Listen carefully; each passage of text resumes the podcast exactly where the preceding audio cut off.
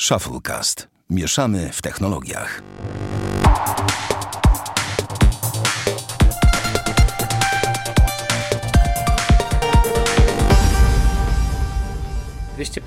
Drugi odcinek Shufflecast. Witamy serdecznie. Damian Pracz. Dzień dobry. I ja, Sławek Agata. Damian w ten piękny, niedzielny poranek. Będziemy sobie dzisiaj roz, rozpowiadać, opowiadać o technologii, ale nie tylko, chociaż pewnie głównie. Jak ci minął ten tydzień? Zadam to pytanie. A, bardzo dobrze, słuchaj, bardzo dobrze. Tak? Tak, y, cieszę się, bo wjeżdża, nie wiem czy wiesz, na HBO Go y, w marcu trylogia Władcy Pierścieni. A mija 20 lat od Drużyny Pierścienia. A jestem ciekaw, obejrzeć. czy zrobił ten, jestem ciekaw, która wersja wjedzie na... No wiesz? ja mam nadzieję, że reżyserska. I wiesz, no, no, że tak powiem, będzie pewnie oglądane po raz piąty albo szósty. U mnie po raz nasty. No, powiem ci. Najlepszy patent oglądałem ostatnio na kanale YouTube TV Filmy bodajże. Taki film o, mówiący o, o tym, jak tak naprawdę Władca Pierścieni. To jest stary film, typu rok już ma. Mm, jak Władca Pierścieni został przemodelowany względem książki, bo ja powiem ci szczerze, nie przebrnąłem przez całą... Nie czytałeś książki? Czytałem około 300 stron, um, jeżeli chodzi o drużynę pierścienia. Dlaczego? Ja, Dlaczego? Bo język Tolkiena nie jest dla mnie językiem, który jestem w stanie zdzierżyć na dłuższą metę. Po prostu to nie jest mój ten Znaczy, wiesz co, bardziej bym powiedział u, u Tolkiena, że on ma taki dziwny dziwny styl rozpisywania się o rzeczach trochę mało istotnych. W sensie te wszystkiego opisy krajobrazów i tak dalej są tak długie i takie męczące czasem, że to, to dla mnie jest problemem, a nie sam język jakby. Język uważam, że jest super. Widzisz, go na przykład taki Sienkiewicz, który pisał też uważam um, gówniane tak naprawdę książki na wielu poziomach, jeżeli chodzi o jeżeli chodzi o fabułę, bo warto wiedzieć, że o trylogia była pisana przecież Ogniem i Mieczem było wydawane w gazecie. Jako miłosna przecież opowieść tak naprawdę w odcinkach. To na przykład trylogię czytałem dwa razy, bo język mi pasował, tak? Ma, ja mam problem z fantastycznymi opowieściami, czy takimi dziejącymi się właśnie, gdzie świat musisz sobie zwizualizować i którymi to opowieści są bardzo długie sagi. Jakoś nie mogę nigdy, tak samo miałem z opowieściami z Ziemią Morza Ursuli Le Guin, że po prostu tego typu rzeczy łatwiej mi się ogląda, kiedy ktoś za mnie zwizualizuje pewne rzeczy. Jedynym wyjątkiem jest tutaj chyba Lem, ale jego świat jest tak bardzo e, nierealny, że jakby to mi w ogóle nie przeszkadza. Natomiast tak, pewnie to z tego wynika, że świat fantazy nie jest dla mnie łatwy do wizualizacji. Natomiast ten, natomiast wiesz, no, e, na HBO teraz, czekaj, coś dopiero co oglądałem. Teraz w ogóle, jak ktoś ma ochotę, jest na przykład, e, a propos takich szybciutkich polecajek, to ja jestem po dwóch odcinkach serialu New Amsterdam. To jest serial na Netflixie, który opowiada o szpitalu New Amsterdam, swoją drogą, w Nowym Jorku. I to jest chyba tele, telewizja NBC serial tak naprawdę. Jak szukasz takiej serialowej klasyki, bardziej typowy serial, taki telewizyjny, ale z dobrym, z dobrą realizacją i tak dalej, to możesz spróbować, może, może Julita, czy coś tego typu, no to wiesz, to tak, taka delikatna polecajka. A ja sam teraz oglądam normalnych ludzi na, na, mm, na HBO. Tak. No proszę. No. no. ja nie wiem, zobaczymy. Nie mam teraz jakiegoś serialu, powiem szczerze, czekam. No jest dużo seriali, które się pokończyły, w sensie sezonne, a nie skończyły się całkowicie. No na, na mnie czeka cały czas czwarty sezon Upadku Królestwa, słuchaj, jeszcze nie obejrzałem. No widzisz, zazdroszczę ci.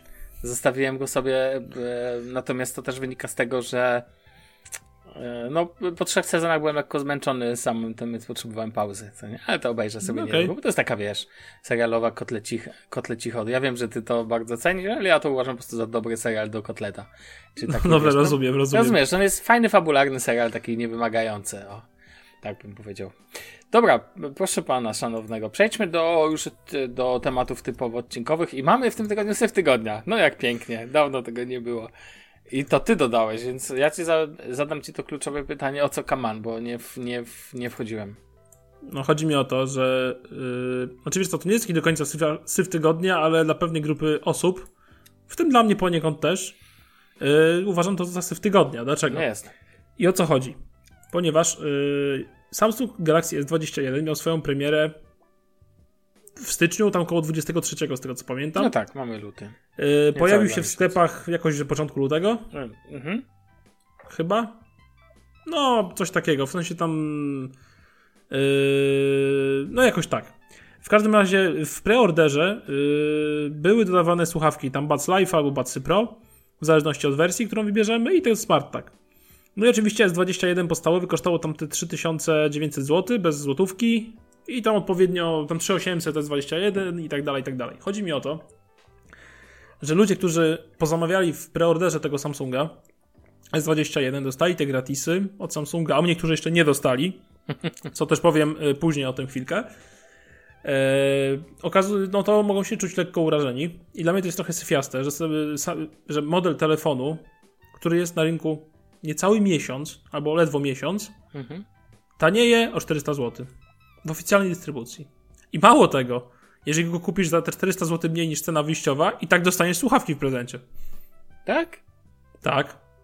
Aha, faktycznie. Jest teraz promocja na Galaxy S21. Mam akurat odpalonego wersję 128 GB, szary.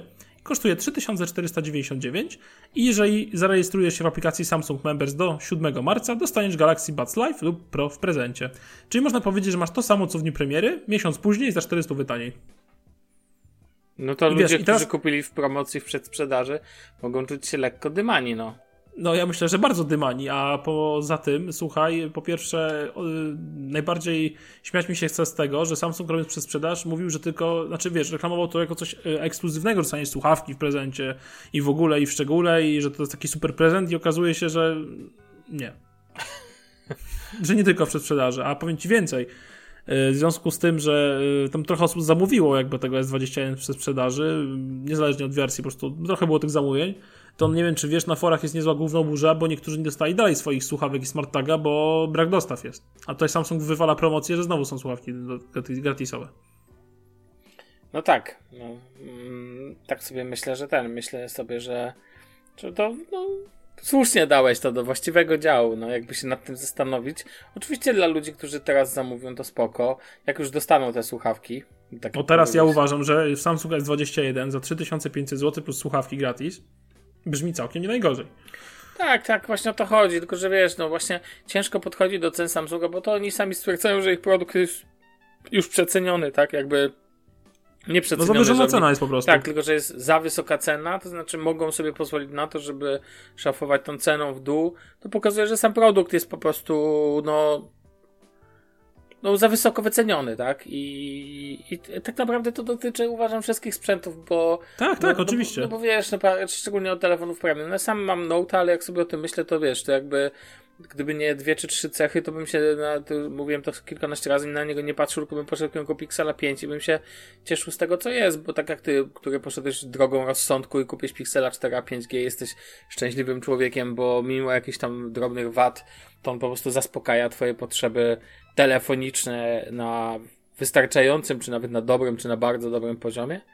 Natomiast ten, natomiast w przypadku e, no to, to, tak jak mówię, to tylko pewne rzeczy pokazuje. Tak? Zresztą ja uważam, że takie mm, ja w ogóle bym nie chciał teraz kupić na przykład takiego flagowca zwykłego. To wolałbym albo średniaka plus, albo ultra flagowca, gdzie musisz wyłożyć już masę hajsu, bo tam jest coś tak, wiesz, wyjątkowego, że, że, że aż normalnie, wiesz, spadają ci klapki, tak? Natomiast ten, no to, natomiast oczywiście ta cena jest teraz bardzo rozsądna, ale ja ze względu na brak zaufania w takiej sytuacji do tego, co będzie za kolejny miesiąc z ceną, to wiesz, to bym się mocno teraz zastanawiał, tak? I faktycznie, no jak. Znaczy, w ogóle nie ma sensu kupować na osta, chyba że jest jakaś ultra dobra promocja, tak jak Sony czasami się zdarza, dorzucą ci telewizor do, do smartfona. Natomiast w takiej sytuacji uważam, że kupowanie w przedsprzedaży tylko pokazuje, jak bardzo jest bez sensu. To znaczy, jeżeli nie masz wyjątkowej jakiejś oferty, tak jak mówię, nie wiem, słuchawki do Pixela, chociaż to jest też swoja historia, z jakiej jest tym były kwiatki, jak jest ten problem. Dalej są podobno, tam ludzie pod, dalej do tej pory nie no, dostają słuchawek. Podobno. Ja tutaj też zawiniłem w jednej sytuacji, więc nie będę się tu za bardzo wychylał, natomiast ten, natomiast Natomiast generalnie, jeżeli chodzi o tego typu promki e, przedsprzedażowe, to trzeba bardzo rozsądnie do tego podchodzić nie rzucać się na to. Oczywiście wyjątkiem są fani Apple, którzy nie dostają żadnych promocji, ale oni, ale wiesz co? Apple ale oni dostają, ale czekaj, oni dostają w promocji na koniec to, że ich cena produktu utrzymuje bardzo wysoki poziom. Tak, i sam producent nie daje przez rok powodu, żeby na oficjalnej swojej stronie jakby przeceniać ten produkt, bo jeżeli iPhone wyjdzie za 4000 jakiś model, to on w zasadzie do premiery nowego iPhone'a jest dalej za 4000, mówię Zgadza się, Apple. Tak. I to jest, ale ja uważam, że hmm, Znaczy, to nie jest takie prokonsumenckie podejście, ale, on, no, ale rozumiem to. Są takie marki, które po prostu, jak się to mówi, się szanują, tak? I jakby nie dopuszczają takiej sytuacji. I o ile rozumiem, że Samsung mógłby robić tego typu promki na telefony, powiedzmy średniaki, low-endy i tak dalej, to na, uważam, że na flagowce tak robić nie powinni, ale, ale na końcu liczy się pieniądz. Skoro Samsungowi się to opłaca, to wiesz, to my sobie możemy małe żuczki sobie tylko o tym rozmawiać, nie? Otóż to. No dobra. Okay. No i chyba tyle. No tak, tak. Dobrze, e, teraz w ogóle zmienimy na chwilę branżę, widzę, totalnie. Damian, dodałeś tu piękny temat związany z Diablo? No, grałeś dwójkę? Tak, kiedyś, ja nie jestem fanem serii Diablo, ale grałem, widziałem oczywiście też jak inni grają, jak to mówią. Byłeś kiedyś, byłeś kiedyś w tym, w Stanach Zjednoczonych? No byłem. E, no, a ja znam kogoś, kto był, tak? Cytując, wiesz. Rozumiem. No, no to ten. No, no to, w każdym razie, nie Diablo wiem czy 2? wiesz, no będzie dwójka Resurrected.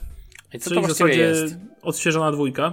Diablo 2, która zadebiutuje na konsolach e, wszystkich, łącznie ze Switchem. E, oraz na PC-tach, teraz w 2021 roku. I czyli to ma być w zasadzie stare dobre Diablo 2.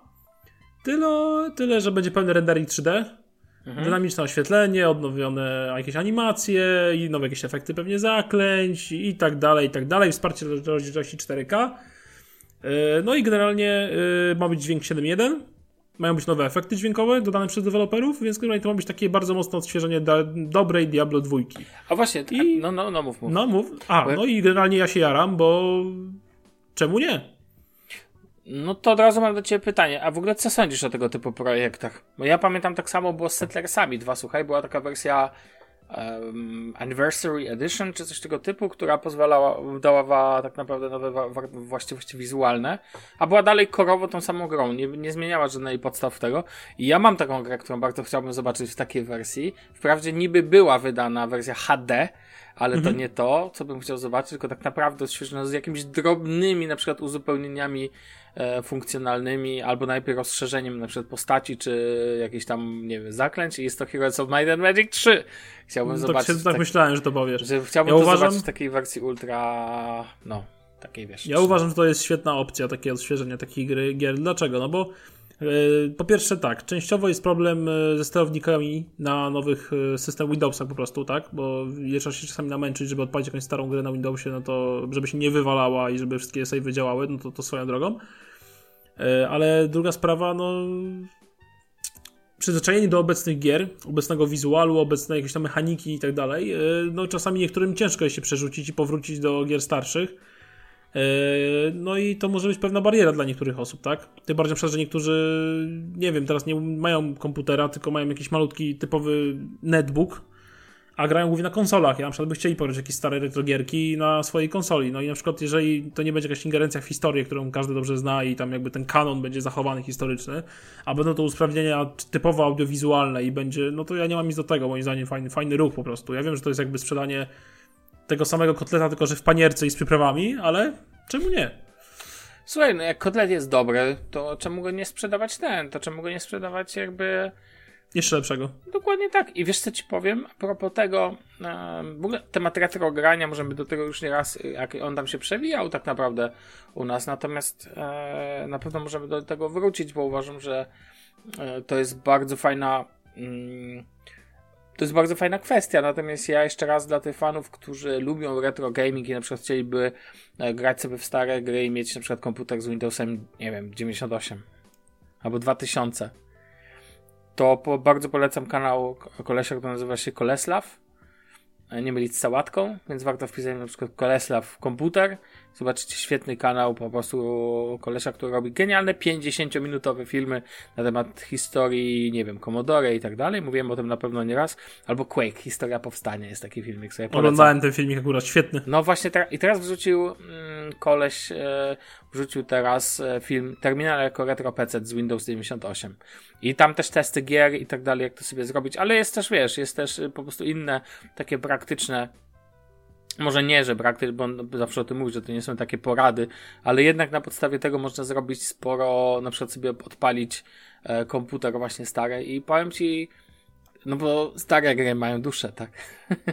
Poza tym to, co powiedziałeś, no nawet kupując, nie wiem, grę na Gogu.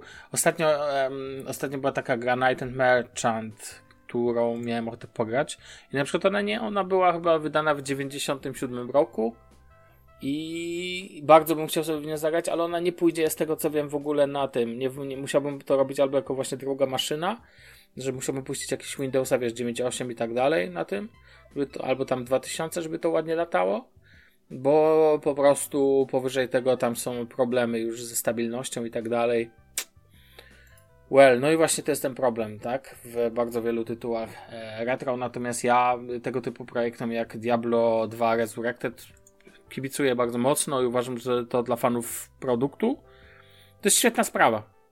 Bo, Też tak uważam. Bo, bo do dzisiaj, Boże, znam ludzi, którzy grają w Diablo 2, bo po prostu grają, bo im się dalej ta gra podoba. Przeszli ją 1789 razy, a i tak dalej mają jeszcze przejść po raz kolejny. I wiesz, i tak naprawdę w takiej sytuacji myślę, że Blizzard tylko na tym zarobi. Dokładnie, a tym bardziej jestem zdania, że jeżeli taka firma jak przykład Blizzard ma wiesz, puszczać, nie wiem, Diablo 5, to, które nie ma, na które nie ma pomysłu jakiegoś większego mhm. i ma jakby dalej jakoś lawirować między utartymi schematami i robić to po raz kolejny, to moim zdaniem właśnie lepszą robotę zrobią odświeżając stary dobry tytuł, no, który wszyscy kochają, dobrze kojarzą i którzy chcą grać, no. Tak mi się wydaje. Zgadzam się z tobą w pełni. Jest dużo takich gier tak naprawdę, które naprawdę zasługują na takie odświeżenie, takie, które zapadły w pamięci ludziom wiele lat temu i których jakby kontynuacje nie sprostały oczekiwaniom, które zostały nałożone przez pierwsze części, nie? No albo przez jakieś wybrane, no tak w Dokładnie. House'u trójka, tak? E, oczywiście tak jest i tak jak mówię, o ile w przypadku, no bo nowa gra to nowe też często zasady, twórcy próbują wymyślić koło na nowo, kiedy, bo już w poprzedniej części to świetnie działało. Dla mnie przykładem tego jest cywilizacja 5 do cywilizacji 6. E, tak jak jedynkę uważam za genialną część i grałem, spędziłem w nią matko setki godzin na Amidze jeszcze mojej, gdzie nauczyłem się co to znaczy robić save'a w ogóle. Tak, e, piątka to jest pierwsza część, do której tak wróciłem na bardzo długo. I szóstka niby jest lepsza, niby wszystko fajnie, ale piątka jest dalej dla mnie po prostu lepsza, tak? Jakby lepiej grywalna, nie wiem, ma w sobie jakiś taki duch, który jest idealny, działa to wszystko tak, jak powinno działać. I na przykład y, za kilka lat może być tak, że piątka, wiesz, będę myślał tylko, będę dalej grał w piątkę, a będę olewał wersję 8, bo pozmieniali za dużo, tak? Bo pokombinowali. I wtedy myślisz sobie, że wolisz taki, że tak powiem, odnogę tej piątki, zobaczyć na przykład w odświeżonej wersji, a nie na tych samych zasadach, a nie teraz patrzeć, że e, twórcy postanowili zmienić w ogóle perspektywę i zmienić, nie wiem, zmienić w ogóle całą mechanikę na jakiś syf, na syf tygodnia. Wiesz. No nic, ja jestem jakby co e, bardzo za i fajnie. A kiedy to ma być w ogóle? Wiadomo? Wiesz co, nie wiem, nie, jakoś nie, nie, ja nie pamiętam, albo nie trafiłem na taką, e, na taką informację. Jasne. Wiem, że 2021 tyle. Ale kiedy no, dokładnie no jakoś nie, gier, wiesz, nie, nie wiem, chyba mi tak? umknęło. Wiesz, jak no, ale jest to, w przypadku tak. gier, e, i pozdrawiamy CD Projekt Red i opóźnień w wydawaniu tytułów, tak? I patchy. I patchy. Co ja patrzę. Kolejny patch. No dobrze, słuchaj. E, przejdźmy dalej. I teraz mamy pierwsze telefoniczne od dawna, właściwie dawno nie rozmawialiśmy o jakichś innych telefonach niż Pixele i tak dalej, a tu pojawia się Xiaomi Mi 11, wjeżdża na grubo. I ja mam do ciebie pytanie. Ja bardzo mocno nie wchodziłem w temat, mhm. ale z tego, co czytam po internetach, to widzę, że zbiera takie dość pochlebne opinie. I albo, ja nie wiem, nie chcę mówić, że znowu za, Xiaomi zapłaciło, ale jak patrzę na ten telefon, patrzę na jego specyfikację, widziałem zdjęcia nim robione, to muszę przyznać, że no, robi wrażenie, a do tego cena jest, no, bo widziałem cenę, że w Polsce to dobrze rozumiem, że 3500 lub 3700 w, w dwóch różnych W zależności od wersji, owszem. Tak. Plus przy sprzedaży są ciekawe rzeczy. Nie wiem, czy się doczytałeś, co chciało mi dorzuca. E... Możesz sobie wybrać jedną z czterech rzeczy, słuchaj. Autonomiczny od... odkurzacz. E, robot, vacuum mop i tak dalej. Oczyszczacz tak. powietrza. E, tą e, Mi Air Purifier, tak? Tak, tak. Elektryczną tak, tak. hulajnogę. To jest bardzo ciekawe. Voucher o wartości 1000 zł do wykorzystania zakup produktów Xiaomi. I jeszcze bezpłatna wymiana ekranu. Na rok, tak. Na rok. Powiem ci, że zawsze z tą hulajnogą poszaleli. Znaczy, no kurczę. Jeżeli no. ktoś akurat szuka, kurczę, świetna opcja. No to, to jest akurat, jeżeli chodzi o przedsprzedaż. Samsung świetna opcja, Xiaomi świetna opcja. Nie, nie, jeżeli ktoś, wiesz, akurat Nie szuka kupujcie w robota. przedsprzedaży! I teraz O nie, ale to kupujcie jest- No ale to jest rzecz, która moim zdaniem akurat yy, ma powiedzmy sens, tak? No bo sam telefon nie jest, kosztuje chorych pieniędzy, aż takich bardzo, w sensie za maksymalną wersję nie kosztuje ba- grubo ponad 4, a dodatek w postaci Xiaomi, tej Xiaomi elektrycznej yy, hulajnogi Xiaomi no jest kuszący, jeżeli ktoś akurat szuka takiego zakupu, akurat wiesz. Znaczy ja uważam, że no, świeżość powietrza no, w dzisiejszej dobie Na przykład. obecnych czasów, do tego no, czyszcza, wiesz, także bakterie, ale też smog i tak dalej, super sprawa. No. A Także, tu nie mówimy o... tym nie sądzę, żeby Xiaomi zrobiło taką promocję po później, bo Xiaomi, no nie słyszałem, żeby robiło coś takiego, że nagle dodaje te same gratisy miesiąc później. Mhm. Wiesz o co chodzi. A poza tym ten smartfon urzekł mnie ze względu na jedną rzecz. Nie wiem, czy widziałeś, Miron Nurski z Komórkomanii, serdecznie Tak. pozdrawiam, e, wrzucał zdjęcia e, testowe z tego smartfona. Mhm. I widziałeś, jaki on ma obiektyw makro? Tak, widziałem. I, To coś niesamowitego w ogóle mnie zatkało, chociażby to zdjęcie monety na przykład. Tak, widziałem i też mi się bardzo podoba. E, tak z takich pierwszych wrażeń, jak sobie poczytałem o nim, z takiego przemyśleń, to nie podoba mi się przód to, jak ten ekran wygląda, ale tak ogólnie to w ogóle nie wierzę, że to mówię, ale to chyba, nie, nie wierzę, że to powiem właśnie, ale to padnie. To jest pierwszy Xiaomi, pomijając jakieś tam takie Pro Plus, które mi się jakieś tam podobały po drodze, bo były taką cenę i jakość, ale jeżeli mówimy o taki high- high-endowy, nawet mi, kurczę, no nawet mi się podoba, e, nawet mi się te obiektywy trochę podobają, trochę to dziwne, wiem, że one są bez sensu, ale muszę przyznać, że mi się podoba. Ta czarna wersja jest w ogóle bardzo ładna, z taki, ze zdjęć oczywiście. A w ogóle ta wyspa na apart jest bardzo schludna.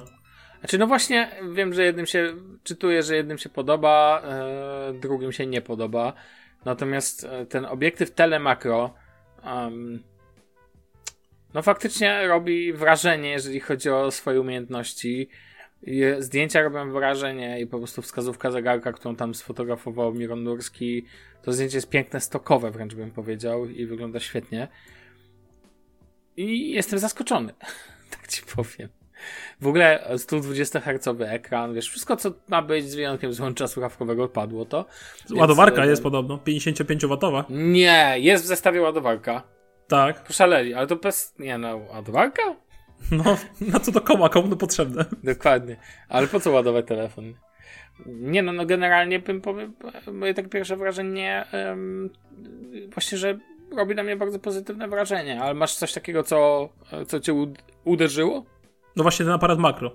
Bo nie Mhm. kojarzę właśnie telefonu jakiegokolwiek przed tym, który miałby aż tak makro obiektyw, który byłby aż takie zbliżenie z tych zdjęć i byłyby tak dobre. Nie przypominam sobie. I to jest moim zdaniem taki killer feature tego telefonu, na którym marketingowo powinno się Xiaomi skupić. Mhm. No, widzę, że tryb nocny też daje radę, e, ale nie ma teleobiektywu. O, do tego nie wiedziałem. To troszkę smuteczek. E, Ja wiem. No, Wiem, że Ja- się przyzwyczaiłeś. No ja uważam, że to jest się. bezużyteczne. Ja przyzwyczaiłem się i używam y, już tą wersytali. Powiem ci to tak samo, jak się przyzwyczaiłem do Dual Sima, że teraz miałbym problem w Pixelu, że jednak mam, bo mam dwie karty i po prostu mi wygodniej jest, wiesz, na jednym telefonie wszystko tak. obsługiwać. I miałbym problem, no ja wiem, tam jest eSIM i tak dalej, ale pogadajmy z niemieckimi operatorami eSIMie. Pogadajmy z polskimi operatorami, żeby w Pixelu był ESI. A no właśnie, tak, tak, tak, tak, więc wiesz. Natomiast ten, natomiast em, spoko, dobra cena, dobry telefon, y, ładowarka w zestawie, wow. Em, taki flagowiec w, w takiej roz, raczej niby flagowiec w wysokiej cenie, ale ja uważam, że 3500 to żadna wysoka cena w dzisiejszym standardzie za flagowiec, tak? Więc, więc naprawdę uważam, że jest to... To pełnoprawny flagowiec, bo Samsung te start, teraz w promocji ma tyle kosztuje ze S21 Tak, podstawowego, tak, nie? Tak, tak. A oczywiście wiadomo, że system operacyjny, nakładka systemowa to nie jest ani moja, ani twoja bajka, co nie? Nie, zupełnie nie. Ja bym chciałbym się mocno długo. To znaczy i tak nałożyłbym na to nowy launcher, więc wiem, żebym Ale wiedział, to i tak chciałbym. dużo nie pomaga. A to dalej, nie no, dalej by mi to wychodziło, jak to jest, wiesz, to jest jak malowanie grzyba na ścianie, rozumiesz? Tak. Możesz go malować, on zawsze wyjdzie w niewłaściwym momencie, więc wiesz, więc no, fajnie, to czy... Spoko. Um, chcesz coś dodać? No, jeszcze jedną rzecz, bo poruszyliśmy właśnie SIMA w Polsce odnośnie Pixela, to nie wiem, czy wiesz, próbowałem odpalić Vol LTE i Wi-Fi calling na Pixelu swoim. No. No jak się spodziewasz, nie ma takiej opcji. nie działa to w Polsce i tyle, bo ten telefon nie jest oficjalnie sprzedawany, dystrybuowany w naszym kraju, więc do widzenia, cześć pa. A te rzeczy są smutne, to tak samo jak z tymi głośnikami od e, Apple, które wiesz, nie są w Polsce dystrybuowane, oficjalnie to nie, to, to, to nie, to, to nie, sorry, nie. I wiesz, taka sama sytuacja. No ja uważam, że to jest. Yy... To znaczy, rozumiem, że to są jakieś tam ograniczenia techniczne, zakładam, okej, okay. dla mnie to i tak syf. No. Że wiesz, że nie można, no nie można, no fajnie, ale no, no nie, nie, nie, nie. Ja tego nie kupuję. Dobra, proszę pana, pójdźmy dalej. Zostały nam dwa większe tematy jeszcze i to taki idealny czas, żeby je zacząć, bo chciałbym dzisiaj rozsądnie na godzince skończyć. Powiem o czymś, co właściwie taki, powiedziałbym, że temat taki przekrojowy, natomiast rzadko się u nas pojawia. Chcę porozmawiać chwilę o klientach pocztowych. I wiem, że będę mówił sam do siebie, bo ty pewnie żadnego nie używasz. Ja zasadniczo to też nie używam. No używam no w pracy. Używasz pracy jakiego? Outlooka? No. Okej. Okay. Um, ja zastanawiam się cały czas, czy jest sens w ogóle jakiegokolwiek. I tutaj ważne dla naszych słuchaczy, mówię to z perspektywy użytkownika Windowsa. Nie będę wchodził w system macOS, dlatego że wiem, że tam są świetne alternatywy też. Bodajże Spark e, i kilka jeszcze innych, ale większość, ale don't care, to jakby nie mój świat. Natomiast na rynku mamy bardzo wiele klientów pocztowych, ale bardzo wielu ludzi używa też po prostu poczty typu Gmail przez przeglądarkę, czy przez web klienta webmail. Sam dalej w ten sposób używam. Mianowicie używam za pomocą. Yy, wygenerowałem sobie kartę w Edge'u i tą kartę zapisałem jako, wiesz, jako aplikację i po prostu mhm. mam aplikację de facto Gmail, można byłoby powiedzieć, przyczepioną do. No ja mam skrót po prostu na zakładkach i tyle. No, no to ja po prostu jakby mam odpalone tak jakby osobne okno przeglądarki. To nie znaczy jednak, że na rynku nie ma ciekawych programów, których można użyć i zrobię szybki taki przegląd dla tych, którzy e, nie wiedzą czego używać. Tego, co jest na rynku i odniosę się do tego też w kontekście osobistym. Na rynku możemy spotkać oczywiście klient poczty Windows, który jest wbudowany w systemie i on jest pamięci bardzo, bardzo rozsądny. Jego fajną funkcją jest to, że konfiguruje się z Gmailem właściwie automatycznie. Podajesz go oczywiście adres e-mail i tak dalej, hasło i on już sobie dalej przejdzie ten. Co ważne, przechodzi też bez problemów weryfikację dwuetapową, co bardzo jest dla mnie ważne. Natomiast ma jeden brak funkcjonalny, który dla mnie jest też istotny. Ja używam um, dość ciekawej funkcji, mianowicie do poczty, do Gmaila pobieram także e, wiadomości z innych klientów pocztowych. Tam jest taka możliwość, że raczej z innych kont pocztowych, jakby przez pocztę POP. E, I po prostu sobie ją zaciągam do, zaciągam sobie do Gmaila. Natomiast problem polega na tym, że żeby tak to wysłać wiadomość, mam to skonfigurowane w samym Gmailu, ale jeżeli pobieram te wiadomości później na klienta pocztowego, to wysyłanie poprzez protokół SMTP na pocztę, taką już podpiętą dodatkowo do Gmaila jest właściwie niemożliwe. I musisz, i klient pocztowy musi mieć jakby taką możliwość, żeby konto skonfigurować w ten sposób, już wewnątrz klienta pocztowego, że możesz rozdzielić protokoły IMAP, czyli ten do odbioru poczty, z tym do wysyłki poczty jako zupełnie osobny protokół że możesz go skonfigurować osobno. Wtedy możesz wysłać na przykład z tej poczty podpiętej jakby do Gmaila. I na przykład klient poczty Windows tego nie ma. Takiej funkcji, co jest dla mnie bardzo dużym brakiem funkcjonalnym i mimo tego, że ta poczta jest ładna wizualnie, jest to program wbudowany, a w Windowsie jest naprawdę kilka dobrych programów wbudowanych, bo uważam, że najlepszym programem wbudowanym w Windowsa jest Windows Defender, e, który po prostu jest teraz zamiótł rynek antywirusów, ale o tym jeszcze porozmawiam w jednym z przyszłych odcinków. Natomiast ta poczta e, Windows jest dla mnie w ogóle e, w jakiś sposób sentymentalna, bo ja w ogóle zaczynałem, moim pierwszym klientem pocztowym był Outlook Express, który był, można by powiedzieć, elementem Windowsa i po prostu, wiesz, i no i to były inne czasy. E-mail wtedy miał dużo większe znaczenie niż tak jak teraz że do odbierania spamu i chociaż tak naprawdę e-mail ma duże dzisiaj znaczenie w kontekście tego, że jest twoim głównym miejscem weryfikacji jakiś typu konta, podpinania, wiesz o co chodzi, logowania, jak zapomnisz hasła, to gdzie przychodzi? Najczęściej na e-maila, nawet jak masz no, tak, weryfikację oczywiście. dwuetapową, to, to, to później pierwszy krok zaczyna się najczęściej na poczcie e-mail. No i to jest jakby e, pierwszy klient, który możecie wybrać. Oczywiście ten program jest całkowicie za darmo.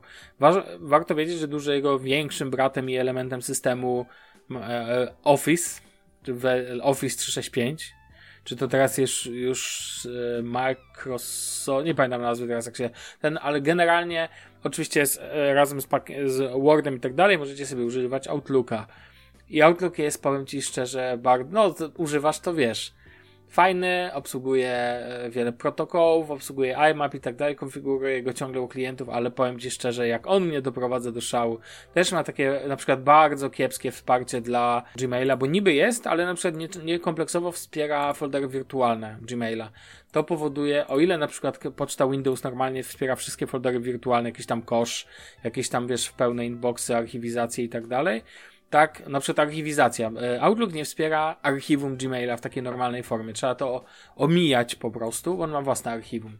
I to jest bardzo męczące, dlatego Outlook się dla mnie nie nadaje, mimo tego, że używam pakietu Office w wersji, wiesz, 365, ale bardziej do... Do synchronizacji bardziej, pewnie chmury i tak dalej. Yy, używam tego dla terabajta danych. No, tak myślałem. Jak większość chyba osób tak robi, z tego co znam przynajmniej no, osobiście. One, ja po prostu OneDrive, OneDrive jest mi potrzebny, co nie?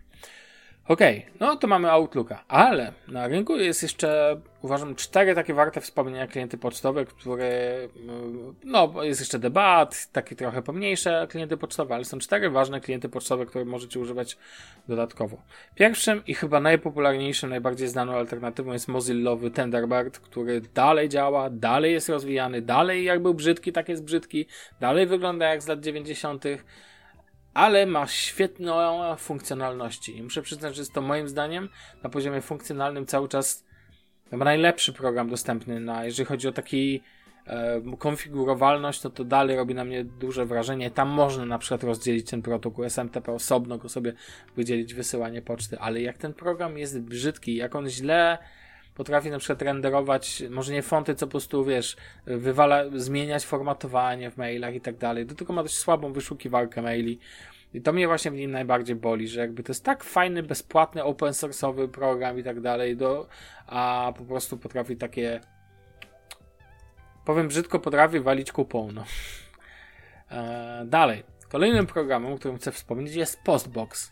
I Postbox jest dla mnie takim właśnie unowocześnionym jest unowocześnionym um, Thunderbirdem, tak możemy powiedzieć. E, twórcy reklamują The Power Email App. Działa dla, jest dla Windowsa, bodajże jest też dla Maca, ale nie dam sobie ręki uciąć. E, natomiast, natomiast generalnie Postbox jest bardzo fajnym klientem. Przede wszystkim, tak, jest na pewno na Maca także. E, działa bardzo dobrze zarówno z kontami IMA, POP, e, nie wiem jak to jest dokładnie z Exchange'em, ale widzę, że wsparcie dla Outlooka jest, więc zapewne Exchange też bez problemów. Wygląda ładnie, ale jest już płatny oczywiście. To już nie jest darmożka i, za, że tak powiem, za darmo umarło. Cena to jest 39 dolarów obecnie za licencję e, do końca życia. Jeżeli ktoś bardzo potrzebuje, to może się zainteresować. Jeżeli chodzi o podboxa, e, postboxa, no to tak naprawdę ma tutaj bardzo sporo funkcjonalności. E, jakieś wiesz, grupowanie, tagowanie i tak dalej. Gmailowe labelsy to jest ważne, że on wspiera je w pełni i w ogóle Gmaila wspiera, że tak powiem, jeden do jednego. Co do tego, czy jest fajne, to warto sobie potestować. Można przez 30 dni potestować sobie za darmo i potem sobie zakupić, jak, masz, jak ktoś ma ochotę. W ogóle szanuję taki model, że masz 30 dni na testowanie czegoś, a potem płacisz raz i masz dożywotnio. Tak, dokładnie tak. Taki one-time payment to jest dla mnie żadna, żadna subskrypcja, tylko po prostu płacisz, masz, dziękuję, tyle. Dobranoc. Dokładnie. Podobnie działa Mailbird, albo tam to jest, e, ale tam mm, tu akurat jest także opcja płatności takich miesięcznych. Ja używałem Mailbirda i przez jakiś czas i to jest klient tylko dla Windowsa, taka ciekawostka. Dostępny o troszkę innym wyglądzie, w fajnych funkcjonalnościach, funkcjonalnościach. Można sobie wewnątrz zintegrować sporo aplikacji takich jak Evernote, Twitter, um, kalendarz jest bardzo dobrze, Google Kalendar jest świetnie tutaj z, zintegrowany z aplikacją wewnątrz. Po prostu wiesz, tylko dodawanie zadań, dodawanie um, wydarzeń od razu bezpośrednio z e-maila działa bardzo, bardzo, bardzo dobrze. E, cena potrafi tu akurat być e, dość. O, widzę, że się pojawił Mailbird for Mac, czyżby pracowali. Cena potrafi być tutaj dość. E, no dobra, teraz jest jakaś tam promka, to teraz można dostać za 35 euro. w, w opłacie jednorazowej, natomiast możesz też opłacać sobie to w opłacie miesięcznej za euro 50 za miesiąc. No, ja takich rozwiązań nie lubię, jak nie muszę, to nie, nie płacę w ten sposób, wolę kupić jednorazowo. Natomiast co mnie bardzo drażni w tym kliencie pocztowym, to to, że on nie, nie w wersji podstawowej nie wspiera Exchange'a, czyli nie podobniesz sobie konta w domenie Outlook na przykład. I to jest bardzo męczące, bo ja używam e, poczty w domenie e, Microsoftu i uważam, wiesz, jakby niemożność jej podpięcia jest męcząca, tak? I, I to musisz zrobić wersji jest jeszcze wersja biznes, której nie możesz kupić jednorazowo, a za nią musisz płacić miesięcznie. I ona kosztuje 2,04 i drażnią mnie takie jeszcze ograniczenia. Nie lubię tego stopniowania stopni premium. Okej, okay, rozumiem, jak to jest jedna cecha naprawdę dedykowana dla wersji premium, dla jakiegoś biznesu, nie? Typu jakieś e, konsola biznesowa do zarządzania wieloma użytkownikami, jakiegoś ty, typu rzeczy, to jest bardzo spoko. Wielką przewagą tego programu, podobnie jak, e, podobnie jak w przypadku Postboxa jest wygląd. Ten program jest po prostu bardzo ładny, chociaż wygląda zupełnie inaczej niż Postbox. Warto wejść, wejść na stronę Mailbirda i po prostu rzucić okiem.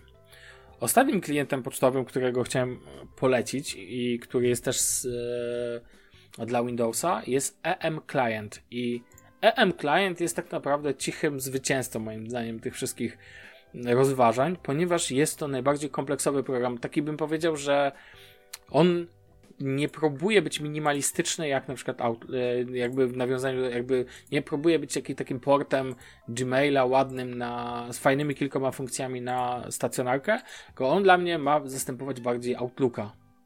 I EM Client ma na przykład fenomenalną funkcję, mianowicie jak klikniesz sobie na wiadomość od jakiegoś użytkownika, to masz podgląd w prawym czwartej kolumnie, widzisz na przykład podgląd ostatnich maili od tego użytkownika, wszystkich. Takie po prostu to jest mega.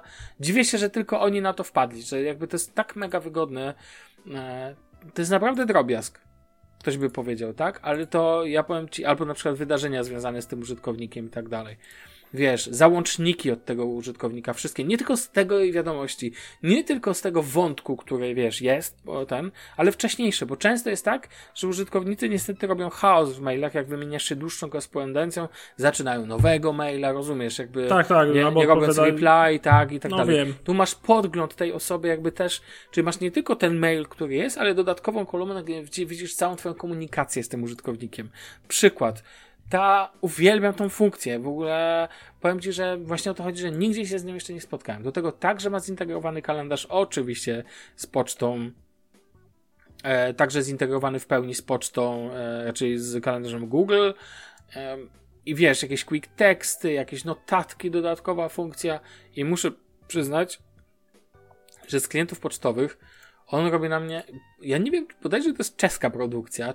nie, nie dam sobie tutaj ręki uciąć, ale wydaje mi się. Wiesz, ma pełne wsparcie dla Google Workspace, dla jakichś tam serwerowych rozwiązań i tak dalej, dla Office 365, e, właśnie wspiera Exchange'a i uważam, że jeżeli, co ważne, e, aplikacja jest darmowa, ale możecie mieć w darmowej wersji podpięte maksymalnie dwa konta.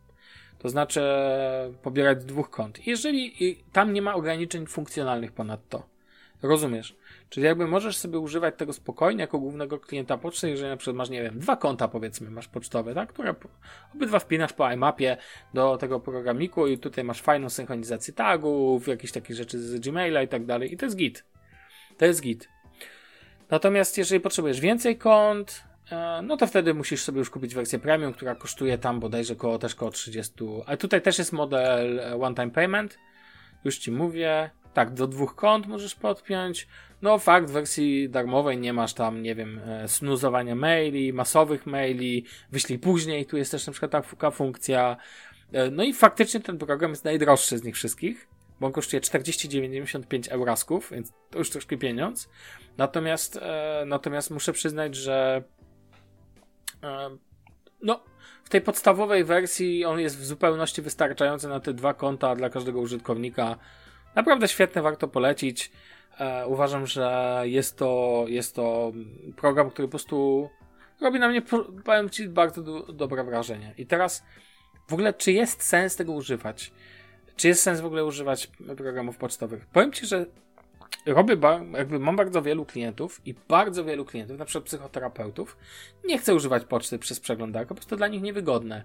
Ja sam łapię się na tym, że w Gmailu mam masę poczty, której właściwie nie sprzątam, ona sobie tam wpada.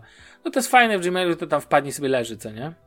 W Gmailu jest genialna wyszukiwarka, ultra szybka ja to bardzo cenię i uważam, że jest to fenomenalny produkt e, pod tym względem. Natomiast nie wszystko mi się w Gmailu też podoba. E, natomiast wartość wsparcia offline w przypadku, no bo ja wiem, że Gmail ma swoje metody, żeby działać też offline, ale to jest dla mnie męczące, trzeba tam aktywować jakieś rzeczy w przeglądarce, tu po prostu ściągasz pocztę. No i to jest to, ta wartość posiadania klienta. Oczywiście wiadomo, że nie można dzisiaj tego robić w żadnym popie, czyli tak, żebyś y, pobierał pocztę z serwera już i na nim nie miał, tylko normalna synchronizacja IMAP. Natomiast Natomiast uważam, że jednak posiadanie poczty na komputerze w wielu przypadkach ma sens. Ważne jednak jest to, że pobierając rzeczy na dysk, pobieramy wszystko często, wszystkie na przykład załączniki i tak dalej. Warto tutaj być, mieć głowę na karku. Po pierwsze chodzi o wielkość, czy twój dysk na to pozwala, po drugie chodzi o bezpieczeństwo. Jednak jeżeli pewne rzeczy są na serwerze online, to póki nie pobierzesz maila i nie pobierzesz załącznika, no to to nie jest twój problem, rozumiesz? Wirusy, spam, no spam jak spam, malware i tak dalej. Natomiast przechowywanie wszystkiego, na przykład wszystkich załączników pobierania jak leci na dysku uważam za bardzo duży błąd. To trzeba robić naprawdę z głową w kwestii konfiguracji. Jednakowoż uważam, że używanie klienta pocztowego, na przykład jak, kiedy mam, ja mam takie okresy, raz używam klientów pocztowych, raz nie. I Uważam, że to wywołuje dużo większy porządek i chęć organizacji swojej poczty, takiej zwany inbox zero, kiedy masz jednak pocztę na dysku. Dużo trudniej jest tym zarządzać, bym powiedział, przez przeglądarkę. Takie jest moje zdanie. E, tylko, no, dalej jakby to trzeba po prostu e, jakby rozważyć, co jest dla ciebie lepsze. Ciekawostka. E, no, takie bardzo często spotykam się z Thunderbirtem u wielu klientów. Powiem Ci, że dopiero co kli, e, klientce konfigurowałem Thunderbirda na komputerze, mimo tego, że miała wykupiony pakiet Office 365, ale Outlooka nie lubi. A Thunderbird jest prosty, czytelny, wszystko tam ładnie działa, wszystko szybko, co nie? Więc to też taki taka polecajka. Więc jeżeli miałbym wybrać na dzisiaj, to ja bym wam bardzo polecał darmową wersję EM klienta, która jest nieograniczona poza tym, że ma ograniczenie do dwóch kont, albo Thunderbird.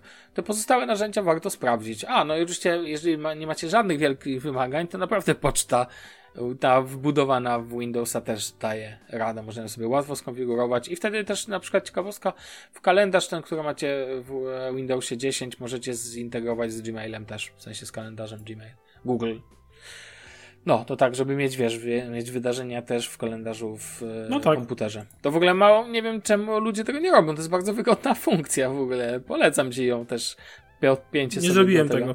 No, podpięcie sobie do kalendarza w komputerze. Pomawię się dzisiaj po nagraniu. No. Polecam. Chociaż Dobra. co, ja to no, bardziej no, używam tak, że ja zawsze sobie w przeglądarce kalendarz Google mam na zakładce. Tak, tak, ale to tak więc... normalne, to takie normalne odpalenie, ja to rozumiem, tylko mówię, że jest taka opcja. Ja powiem Ci, że bardzo bym chciał, słyszałem, że Microsoft testuje w najnowszym, jednym z wydań e, jednej kompilacji dla insiderów e, widgety. Wprawdzie to mają być tak naprawdę porty z przeglądarki, ale to ja ci powiem, że bym, e, bym widział, bym widział, ja chciałbym zobaczyć widget kalendarza na przykład kiedyś. Chciałbym powrotu widgetów, tak jakby, jakby jedyna fajna rzecz w Windows Vista. To były kale, no, widgety. Fajnie one to było, to faktycznie. One były brzydkie, ale ten były. cały pasek widgetów z prawej strony miał sens, bo jeżeli masz kalendarz, no tak jak Apple robi to teraz z widgetami, tak? Więc wiesz, więc uważam, że tego typu rozwiązania mają sens, na przykład podgląd kalendarza. Oczywiście jest są urządzenia, programy zewnętrzne, ale na przykład Rainmet, Rainmeter nie daje funkcji kalendarza. Jest taka bardzo stara apka, jeżeli ktoś by szukał koniecznie widgetu tego typu. Nazywa się Rainlanda, Rainlander bodajże.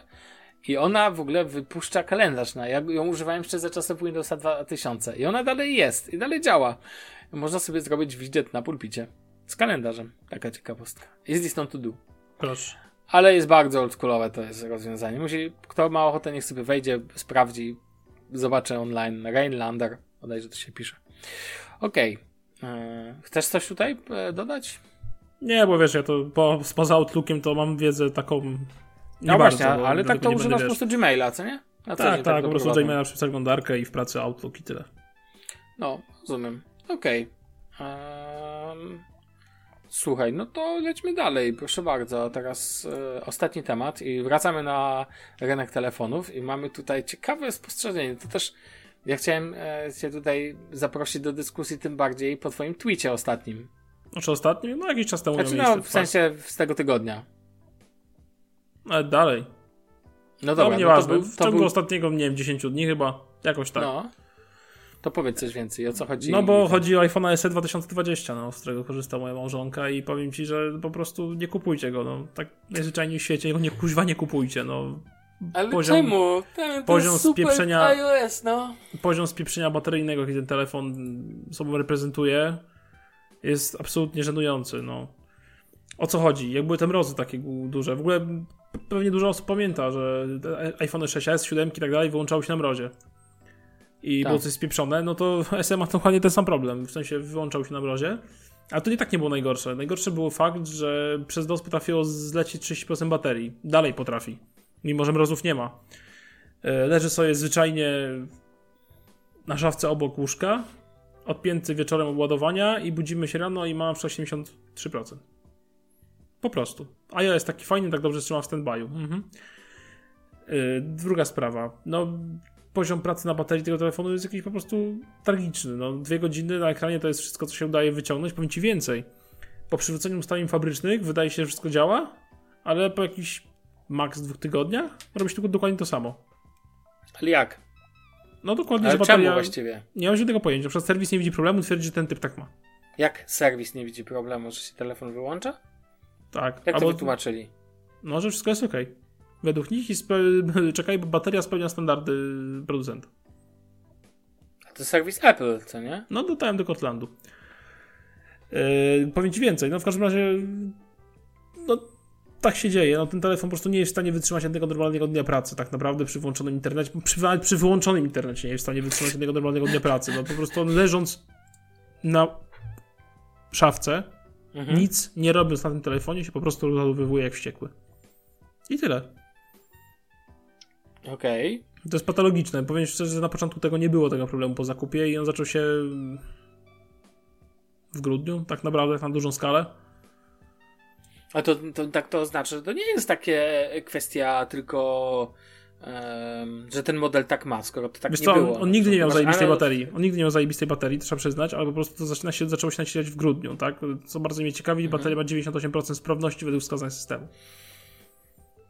Hmm. Ładowany zawsze oryginał ładowarką. Serwis nie widzi problemu, bateria jest w porządku, a telefon zachowuje się jak się zachowuje. Po, ty, mówię, po przywróceniu ustawień fabrycznych podziała tydzień na podobnym, powiedzmy, w miarę poziomie co yy, po zakupie, ale po tygodniu jest dokładnie to samo. No tak, ale wcześniej mrozów nie było, co nie? Nie wiem, nie mam żadnego pojęcia w ogóle. To jest masakra. Ten telefon jest tragiczny pod tym względem.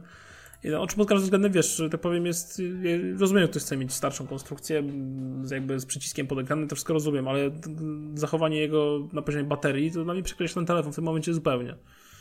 Po prostu, no. Zastanawiam się, e, zastanawiam się, no bo napisałeś, że w tym tweetie, którego właśnie sobie mam przed No. oczami, że, że on się męczy od leżenia, tak? Jakby 20-30%. Leży, powie- on leży z wyłączonym internetem, z wyłączoną lokalizacją, bo wszystko żeśmy próbowali, bez włączonego oszczędzania y, baterii, jakby nie ma tego paska na żółto baterii, jest Mhm. normalnie. I jakby nie jest absolutnie nic na nim robione i on gubi w ciągu 8 godzin 30% baterii. To jest nienormalne. No tak, tak, tak. Zastanawiam się po prostu ten. Zastanawiam się tylko e, w tym kontekście nad. em, nad jakby optymalizacją procesora, no bo to w ogóle e, próbowałeś znaleźć w sieci odpowiedzi, dlaczego tak się dzieje? E, Jakimś No, na forach Apple to raka prawie dostałem, więc wyszedłem. Mhm. E, A na XDA Developers no to iPhone'ach już dużo nie znajdziesz, no tak naprawdę, bo tam jednak Android. No tak, nie? ale to no, wydaje mi się, że to chyba nie tylko ty masz ten problem No generalnie. nie, bo- dużo osób ma problem tym w sieci, znaczy można wyczytać, bo oczywiście są zaklinacze rzeczywistości, że uważają, że ten w ogóle w końcu trzyma jak iPhone 11 i w ogóle jest super. Mhm. Pozdrawiam.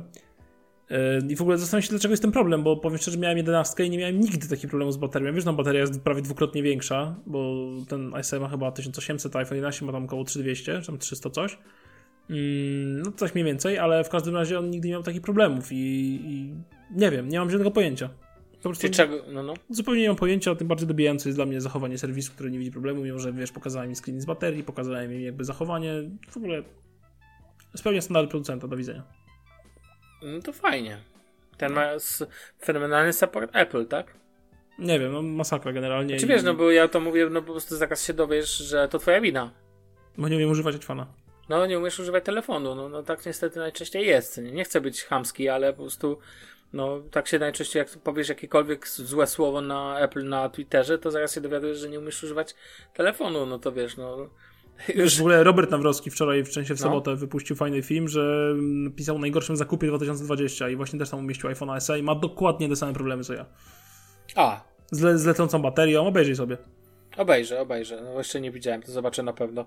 E, to widzisz, bo ja uważałem od początku, że ten telefon ma problem z tym, że jest za dobry, jeżeli chodzi o procesor, tylko że jak się okazuje, to to nawet kiedy nie używa procesora, to ma problem sam ze sobą, w sensie nie używa, no używa w stopniu minimalnym w ogóle własnych zasobów i to uważam, że to nie może być odpowiedzią, odpowiedzią nie może być, że to jest normalne zachowanie telefonu, no bo, bo okej, no w Samsungach drainowanie baterii też nie jest normalną sytuacją, tak? I to nie jest miejsce do pochwał, czy, czy mówienia, nie no, wszystko jest w porządku, przecież ma, to jest mały telefon i on tak może się zachowywać. No nie.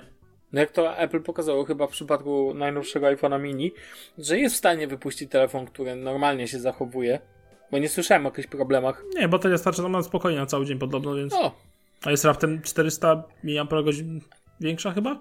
To jak, to jak postępujecie, jak Julita, co ona musi ładować w połowie dnia? W sensie? No najczęściej wygląda to tak, że zostawia go teraz na noc, zostawia No. go na noc, mimo że nie lubi na noc ładować telefonu, odłącza go rano od ładowarki, idzie do szkoły, yy, w sensie do szkoły, do pracy yy, i ten, wraca sobie z roboty, 14.30 albo 15, cyk, telefon po ładowarkę, bo ma 20%.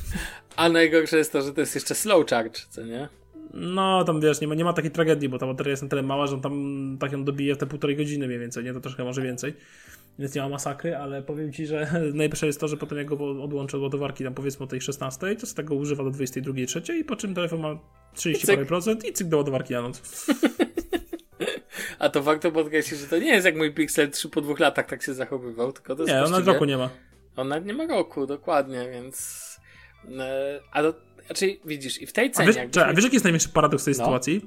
no dajesz. że jeżeli na przykład będzie coś na nim non-stop robiła, od odpięciu po ładowarki, non-stop, nie wiem, grała, ogląda YouTube'a, pisała, przeglądała sieć, to bateria zachowuje się normalnie. To jest największe jaja, jak berety tego telefonu, tak. Ale to, nie, to znaczy wtedy, wtedy leci e, na twarz na, na ryj po prostu normalnie, Tak. w normalnym tempie. W sensie leci, powiedz powiedzieć, tak samo, jakby leży nieużywany. To tam jest w ogóle jakimś mindfuckiem zupełnym. To może lepiej go trzeba ciągle używać. To No, ale to sugeruję. też się nie da, bo też się rozładuje po 5 godzinach, nie? Także w ogóle, wiesz... No nie, no to powiem ci, że w cenie 2199 zł, bo tyle kosztuje najtańsza wersja. No spoko, na rynku wtórnym nówki 64 są po 1500 zł już. Tak zleciał ceny. No, bo ten telefon, tak, tak już nie kojarzy mi się z takim, wiesz. Znaczy ja powiem to jeszcze raz, nigdy w życiu bym go nie kupił, o tak. No ale rozumiem, że małżonka chciała iPhone'a i tak dalej, i tak dalej. Mały Co telefon dalej? z przyciskiem pod ekranem. Nie wiem co dalej. Dostaję szału póki co z tym telefonem. Okej. E, Co, dał, co dalej nie wiem, bo no podoba mi się 12 mini, ale jest, że tak powiem, tak zniesmaczona obecnym ESA i małym telefonem od Apple, że w ogóle jakby nie rozważa kupna innego smartfona Apple. A, okej. A wszystko inne dla niej za duże. Proponowałem mi Pixel 4a. O, na przykład. Albo poczekać na Pixela 5a, który niedługo się pojawi. No też tak może być. Nie wiem, zobaczymy. Będę informował, jak coś się pojawi nowego. No dobrze, Damian, no to w tej sytuacji, słuchaj, ja myślę, że możemy tak to dzisiaj zakończyć. Nie ma co tego przedłużać. Zobaczymy, co się będzie działo z tym iPhone, iPhone X-em. Um, słyszymy się w kolejnym odcinku, to już za tydzień. Um, tyle. Tyle. Do usłyszenia. Na razie, cześć. Nie ma.